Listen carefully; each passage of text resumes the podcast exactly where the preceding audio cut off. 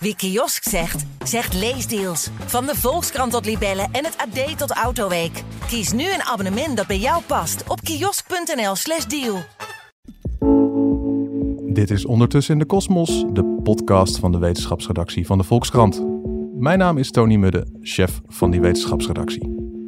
30 jaar lang is eraan gewerkt door duizenden wetenschappers. De James Webb Telescope. Het is de opvolger van de beroemde ruimtetelescoop Hubble. En deze maand gaan ze hem lanceren, die James Webb Telescope. We gaan het erover hebben wat die telescoop allemaal voor ons gaat betekenen, wat hij gaat ontdekken. En dat gaan we doen samen met George van Hal, onze sterrenkunde-expert bij de Volkskrant. En we gaan straks ook nog even bellen met Ewine van Dishoek, hoogleraar astronomie en tot voor kort voorzitter, president zelfs, van de Internationale Astronomische Unie. Zij werkte mee aan die James Webb-telescoop.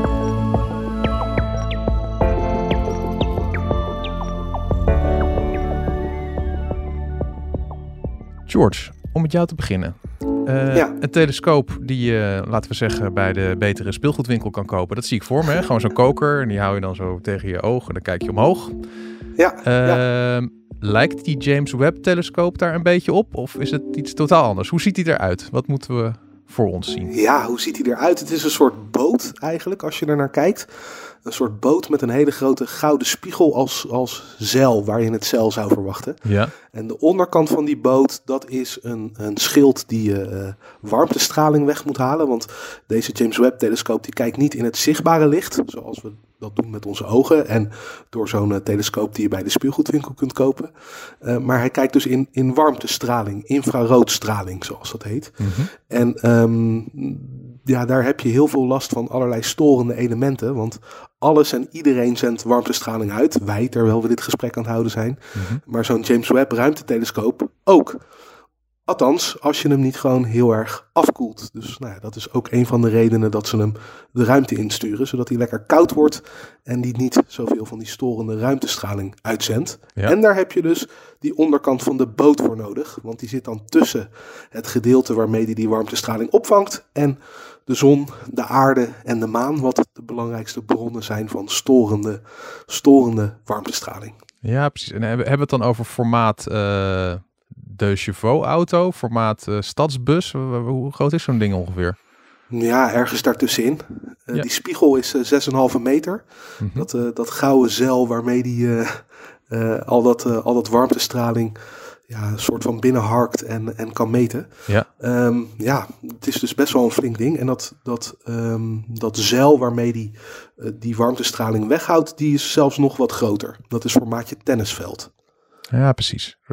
En, en, en dan komt hier nu even een hele, hele lange inleiding met daarna een vraag, dat beloof ik. Eh, een van de mooiste ervaringen in mijn leven was toen ik een keer mee mocht naar, eh, naar Chili. Dan ben ik midden in de woestijn, heb je daar van die bergen staan.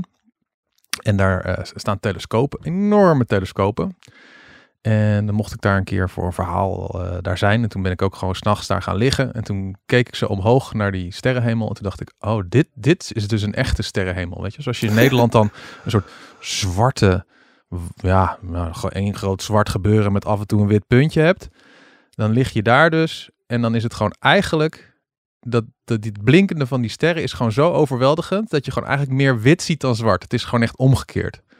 Ik dacht van, ah, perfecte plek om sterren te kijken. Nou, dit is een hele lange inleiding. En de vraag is, Ja, ik had het, dat is een hele goede plek om sterren te kijken. Er stonden enorme telescopen.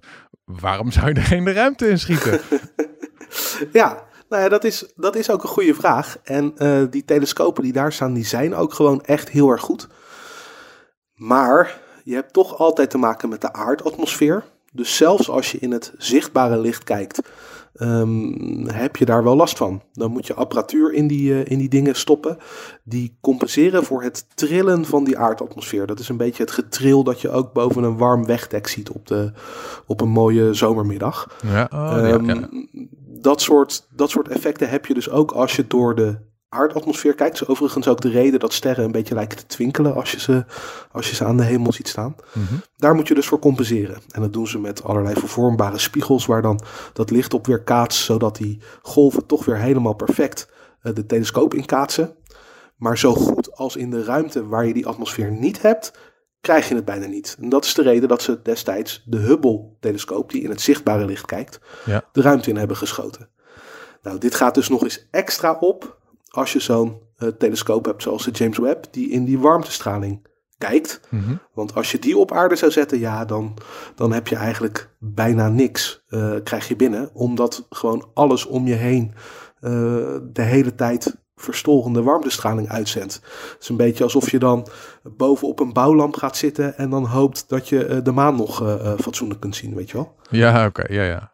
En, en, en waarom, waarom is het zo interessant om in infrarood te kijken? Wa- Wat is er mis met gewoon eh, nou ja, kijken zoals we zelf met onze ogen kijken of zoals je met een fotocamera kijkt?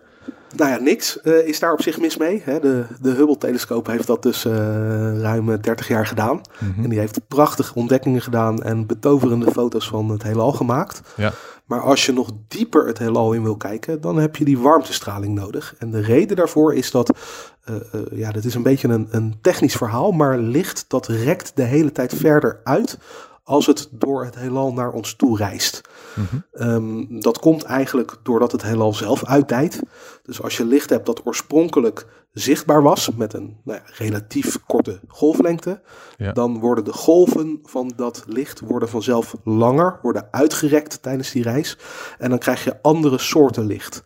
En infraroodstraling, warmtestraling, is licht met een langere golflengte. Met andere woorden, als je dus heel diep dat heelal in wil kijken, dan kun je eigenlijk geen zichtbaar licht meer zien. Maar dan is alles inmiddels infraroodstraling geworden. En dat heel, is de reden dat je zo'n infraroodtelescoop nodig hebt. en heel diep het heelal inkijken, waarom is heel diep het heelal inkijken interessanter dan, nou ja, gewoon lekker dichtbij de maan, onze, Ja, onze zon? Nou ja, Wat, wat, maakt, wat maakt ver lekker in, in de het sterren? is natuurlijk allemaal interessant. Je Ja. wilt het allebei doen. Ja, Uh, maar ver wil je kijken, omdat je, als je verder kijkt in het heelal, kijk je ook het verleden in. Omdat eh, licht, dat reist met maximaal de lichtsnelheid. mhm. Dus eh, dat heeft er even over gedaan om ons te bereiken. Nou ja, als je ver genoeg kijkt, dan kun je vanzelf terug, in theorie zelfs, helemaal naar het begin, eh, naar de oerknal, het moment waarop het heelal werd geboren. Nou ja, op een gegeven moment wordt het heelal pas voor het eerst doorzichtig voor licht, dus je zit er altijd wel iets, iets na. Maar met deze James Webb kun je tot 50 miljoen jaar na die geboorte van het heelal kijken. Dat is echt een moment dat het heelal nog piepjong is. En dat, eh, dat kun je zien. Ja, dus voor 50 miljoen jaar, dat vinden wij, ja, vind ik in ieder geval onwijs veel. Maar als je dat dus in het perspectief zet van hoe oud het hele heelal Van de, is. van de 15 miljard jaar die het heelal is, ja, dan is het, eh, dan is het weinig. Dus als je het zeg maar een soort, even kijken hoor, als we de, de, de, ontwikkeling van het heelal even vergelijken met, eh, iemand, met, een, men- met een mensenleven. Dus je, je hebt eh eicelletje, zaadcelletje, eh, embryo, je wordt geboren en dan na een jaar of eh 80, of bij mij in de familie meestal rond een jaar of 70, dan ga je dood. Eh, als je dat, Positieve, insteek. ja, maar als je, dat, als je dat zou moeten vergelijken met hoe ver deze Hubble terug kan kijken naar, de ge- naar het, het he- leven van het heelal, zitten we dan, waar zitten we dan ongeveer? Dat je geboren wordt of zo? Of? Ja, het is een factor 300. Dus nou ja, deel het maar 80 jaar Kijk, het wordt nu live uitgerekend, mensen. gedeeld door 300. Ja. Dat is eh, eh, 0,26 jaar. Dus dat is eh, eh, een, eh, Een kwart jaar. een kwart jaar. Ja, dus dat is drie maanden, zoiets. Ja, ja. Dus, dus, dan kijk je echt naar zeg maar de, de, de, baby eh, de lang, voordat hij, lang voordat hij gaat wandelen.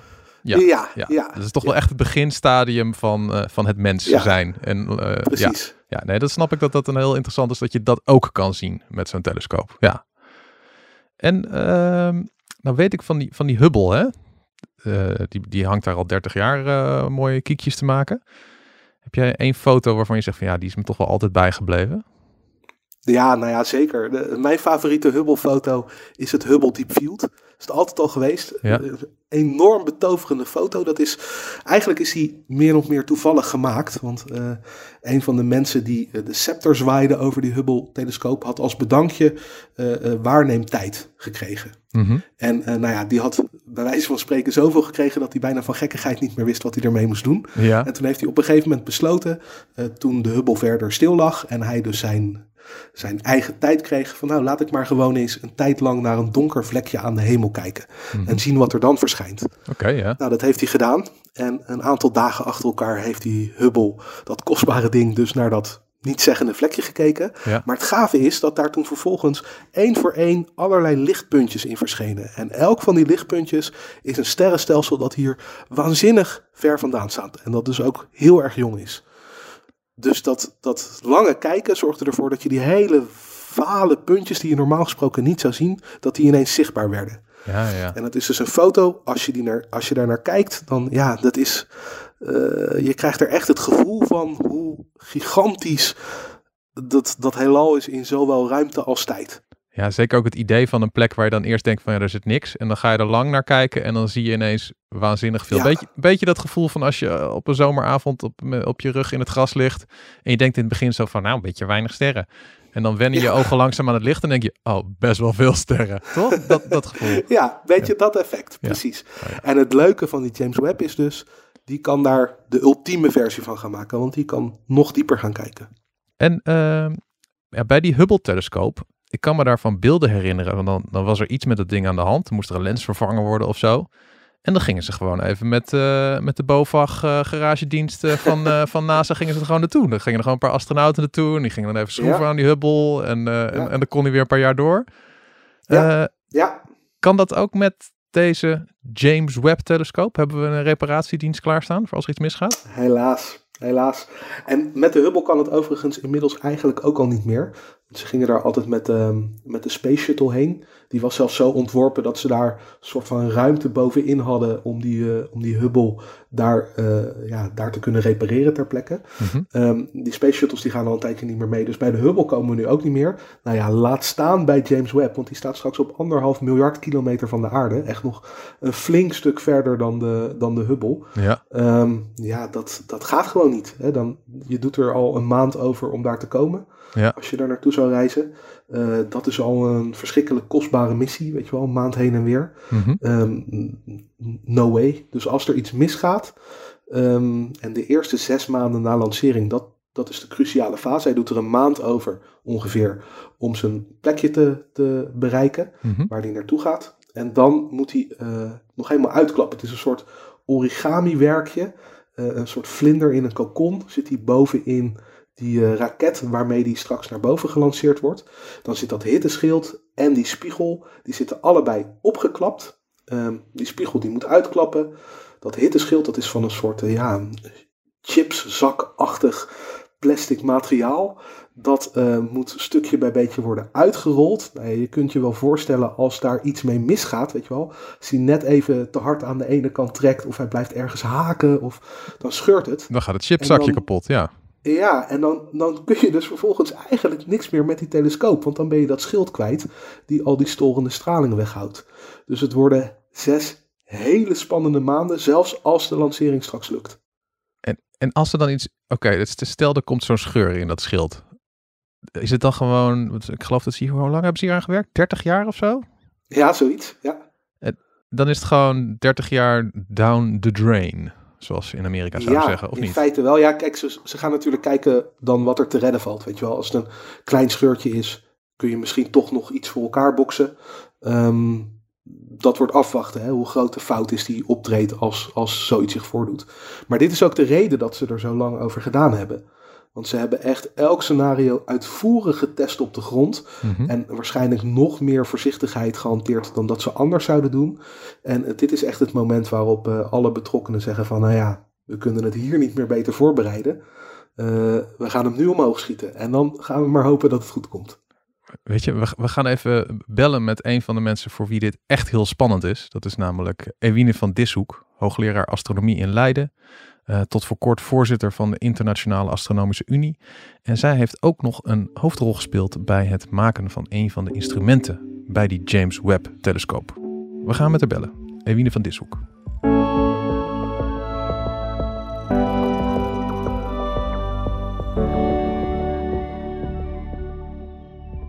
Dag mevrouw van Dishoek. Hallo, hi. Hallo. Wat was uw rol bij uh, de James Webb telescoop? Ja, nou dat gaat al een hele tijd terug. Uh, eind jaren 1990, toen uh, nog de James Webb eigenlijk gedefinieerd moest worden wat betreft de wetenschappelijke instrumentatie. En uh, toen werd ik gevraagd eerst bij de ESA en toen bij de NASA om in de wetenschappelijke adviescommissies te komen. En toen realiseerden we ons dat uh, naast de instrumenten die al op de tekentafel stonden, ook een mid-infrarood instrument uh, heel belangrijke wetenschap zou doen met James Webb Space Telescope. Dus dat heb ik toen eigenlijk samen met collega's uit Europa en de Verenigde Staten hebben dat gepusht. En dat is toen ook geaccepteerd. En daarna moesten we natuurlijk het instrument ontwerpen en bouwen. En dat hebben we eigenlijk gedaan in de periode tussen 2002 en 2012. Uh, in 2012 hebben we het afgeleverd aan, aan de NASA en toen is het geïntegreerd in wat nu de JWST-telescoop is. Maar wat wel leuk is en waar we best wel een beetje trots op kunnen zijn, is dus dat inderdaad één van die vier instrumenten, dat daar een groot deel van ook in Nederland is uh, gebouwd um, door de uh, Nova Optische Infrarode Groep, uh, die in Dwingelo is uh, gehuisvest. Dus eigenlijk hebben we als, als klein landje best wel een grote impact gehad Nee, dat is eigenlijk al sinds, de, sinds uh, nou ja, wanneer is dat begonnen? Hè? Met, met Antonie van Leeuwenhoek, met het lenzenslijpen. Is, is, heeft Nederland eigenlijk altijd een belangrijke rol gehad in het, in het maken van lenzen en het, en het kijken naar de hemel, toch? Ja, ja, ja, ja, daar is inderdaad een hele grote traditie en die is uh, voortgezet. En dankzij het bouwen van instrumenten voor telescopen op de grond, zoals van de um, ESO, de Very Large Telescope, hebben we um, kennis opgedaan van het bouwen van dat instrument. En die konden we naadloos toepassen eigenlijk op het instrument, het MIRI-instrument voor de uh, JWST. En, en als u nu aan, uh, aan, aan mensen die helemaal niks van sterrenkunde weten, zou moeten uitleggen waarom zo'n mid-range infrared instrument zo interessant is. Wat maakt zo'n zo'n instrument zo interessant? Nou ja, heel kort en krachtig zou je kunnen zeggen, daarmee kunnen we kijken naar alles wat is oud, wat is koud en wat is stoffig. Dat zijn de drie uh, hoofd, ja. hoofdtermen. Uh, omdat het licht van de eerste sterrenstelsel zo ver verschoven is uh, naar het rood toe, uh, moet je naar langere en langere golflengtes gaan om die allereerste sterren en sterrenstelsels uh, te, kunnen, te kunnen detecteren. Um, en ook dat stof wat je ziet um, op al die mooie plaatjes van de Orionnevel. daar moet je mm-hmm. doorheen kunnen dringen. En dat kan je weer alleen maar bij die, die hele lange golflengtes. Dus oud, koud en stoffig, dat is, en dat is zo interessant, omdat juist daar um, de oorsprong ligt van sterren en planeten. Dus juist daar in die stoffige gebieden, dat is waar nieuwe sterren en planeten worden geboren op dit moment. Ja, precies. En dan kan je op zo'n manier kan je dus eigenlijk ja, een beetje terug in de tijd kijken naar hoe alles begon. Daar komt het op neer, toch? Ja, eh, dat kan je dus doen naar de hele verre sterrenstelsels, maar je kan het ook doen heel dichtbij. Denk maar weer aan de, de Orionnevel. Die staat maar op zo'n 400 lichtjaar. Um, maar uh, daar worden ook op dit moment nog een hele generatie nieuwe sterren en planeten geboren. En dat willen we gewoon zien hoe dat gebeurt. Uh, onze naaste buren, nieuwe werelden, uh, dat, wil, die, dat willen we eigenlijk zien. Ja, en nou is het zo dat hier is decennia aan gewerkt. volgens mij wordt die uit mijn hoofd eind december gelanceerd. 22 december is het moment. Twee, 22 december. Ja. Hoe gaat u dat kijken? Zit u dan gewoon in uw eentje achter een laptop? Of zit u met allemaal bevriende sterrenkundigen met chips? Hoe, hoe gaat dat? Nou, het, uh, het, het, plan was dat uh, we allemaal naar Aztec zouden gaan. Om daar te vieren eigenlijk met uh, de hele Europese sterrenkunde, de hele Europese ruimtevaart. In een, een groot event. Maar helaas gaat ja. dat niet door vanwege corona. Ehm, dus we zijn nu met terwijl we nu spreken, zijn we met andere plannen bezig. Uh, we hebben zeker een event in het Boerhavenmuseum. Uh, dus het kan wel best wel eens zijn dat ik daar uh, ben voor de lancering. Om daar samen met een aantal collega's en ook met het algemene publiek te kijken naar de lancering. En, en, ik had het er net al even met George over van ja, het is natuurlijk altijd spannend of alles wel goed gaat. Hè? Ik bedoel, het gebeurt niet vaak, maar een raket kan ontploffen. Er kan iets misgaan met het uitvouwen van het, van het apparaat. Op, op een schaal van uh, 100 procent. Hoeveel procent kans denkt u van nou dit gaat wel goed en hoeveel procent kans denkt u van nou eigenlijk vind ik het nog wel, misschien gaat er wel gewoon iets helemaal mis? Nou, ik zou, kan het niet in ja. ik kan het niet in percentages uitdrukken, maar het is wel zo dat dit uh, een lancering is waar heel veel op op het spel staat. Uh, dus de lancering moet goed gaan. Dat is natuurlijk al één heel belangrijk punt. Uh, de instrumenten en alles moet het overleven. Maar inderdaad, dit is een geval waarin de telescoop moet worden uitgeklapt. Uh, de neus van een Ariane-raket die is te klein om een 6 meter spiegel in te hebben. Dus vandaar dat die eerst moet worden opgevouwen en dan weer moet worden uitgevouwen. En inderdaad, dat zonnescherm, dat is voor mij eigenlijk nog het meest uh, cruciale en, en angstigste punt. Uh, dat dat helemaal moet worden uh, uitgevouwen. ergens in de eerste twee weken van de, van de missie. Dus tijdens de kerstdagen zal ik echt wel een beetje ehm, zeg maar mijn adem inhouden. En, en wat is het moment waarop u zegt van oké, nu kan ik gerust ademhalen. Ik, ik weet dat het apparaat er klaar voor is? Nou, ik denk dat uh, zo tegen uh, na de eerste maand, als hij ook bij zijn, uh, zijn, zijn L2-punt is aangekomen, het punt waar hij zeg maar zal meegaan met de aarde. Um, ja, ik moet zeggen, ja, ik denk het, het moment dat ik wat rustiger ga zijn, dat is denk ik na de eerste maand, als die op de juiste plaats is aangekomen, in de juiste baan zit, als we mhm. weten dat het uh, allemaal is uitgeklapt en, uh, en goed. En als de eerste uh, zeg maar metingen zijn gedaan om de telescoop te aligneren. Um, dan begin ik een beetje rustiger adem te halen. Helder. En volgens mij is het altijd zo, dat is zo met deeltjesversnellers en ook met, met telescopen. Dat eigenlijk al op het moment dat de nieuwste gelanceerd wordt, dan zijn er eigenlijk stiekem ook alweer plannen om weer een, een, een grote nieuwe te maken, toch? Is dat bij deze ook zo? Ja, absoluut. Uh, het, uh, we hebben gezien dat uh, om deze webtelescoop tot dit punt te krijgen, daar is 30 jaar aan vooraf gegaan. Van plannen en ontwerpen en bouwen, testen. neemt gewoon 30 jaar. dus dat betekent, willen we rond 2050 uh, de volgende opvolger lanceren, dan moet die eigenlijk nu al een beetje op de tekentafel uh, staan. En, en daar zijn ook inderdaad plannen voor in ontwikkeling. Maar het is ook wel duidelijk, eerst moet Web goed gelanceerd zijn voordat de NASA en de ESA aan de volgende telescoop uh, serieus gaan werken en denken. Ik, ik, bedenk me ineens terwijl we dit gesprek voeren. We hebben nog helemaal niet eh, gezegd wie eigenlijk James Webb is. Wie, wie is dat eigenlijk?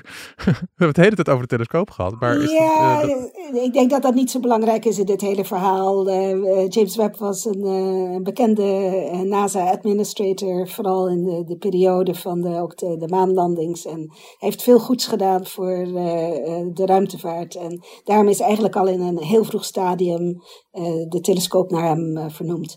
Wat anders dan normaliter vaak is het uh, genoemd. Ja, vaak wordt zo'n telescoop vernoemd naar een, een wetenschapper of wetenschapster. Precies. Dat, dat kan dan met de volgende gebeuren misschien. Ik, ik, ik, ik ga alvast voorstellen om hem de, de, de Ewine van Dishoek nee, telescoop nee, te noemen. Daar, nee? daar doen we niet aan. Daar doen we niet nee, oké. oké. Maar ik mag het toch wel voorstellen. Ja, oké. dat, is, dat is heel vriendelijk van je. Okay. Ja.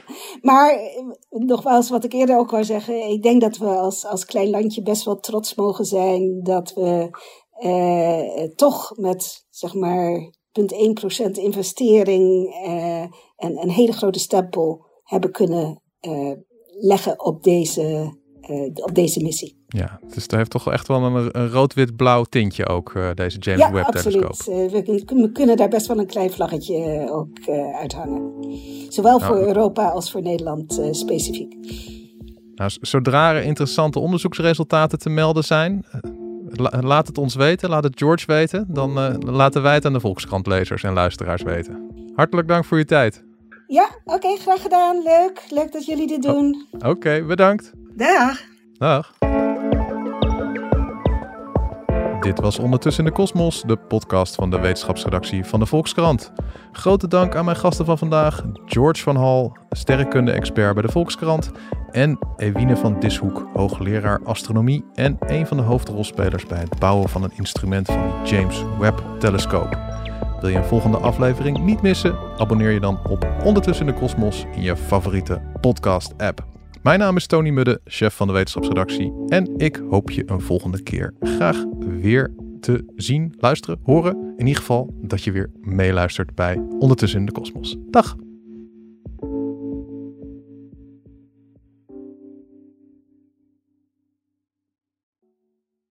Wie kiosk zegt, zegt leesdeals. Van de Volkskrant tot Libellen en het AD tot Autoweek. Kies nu een abonnement dat bij jou past op kiosk.nl/slash deal.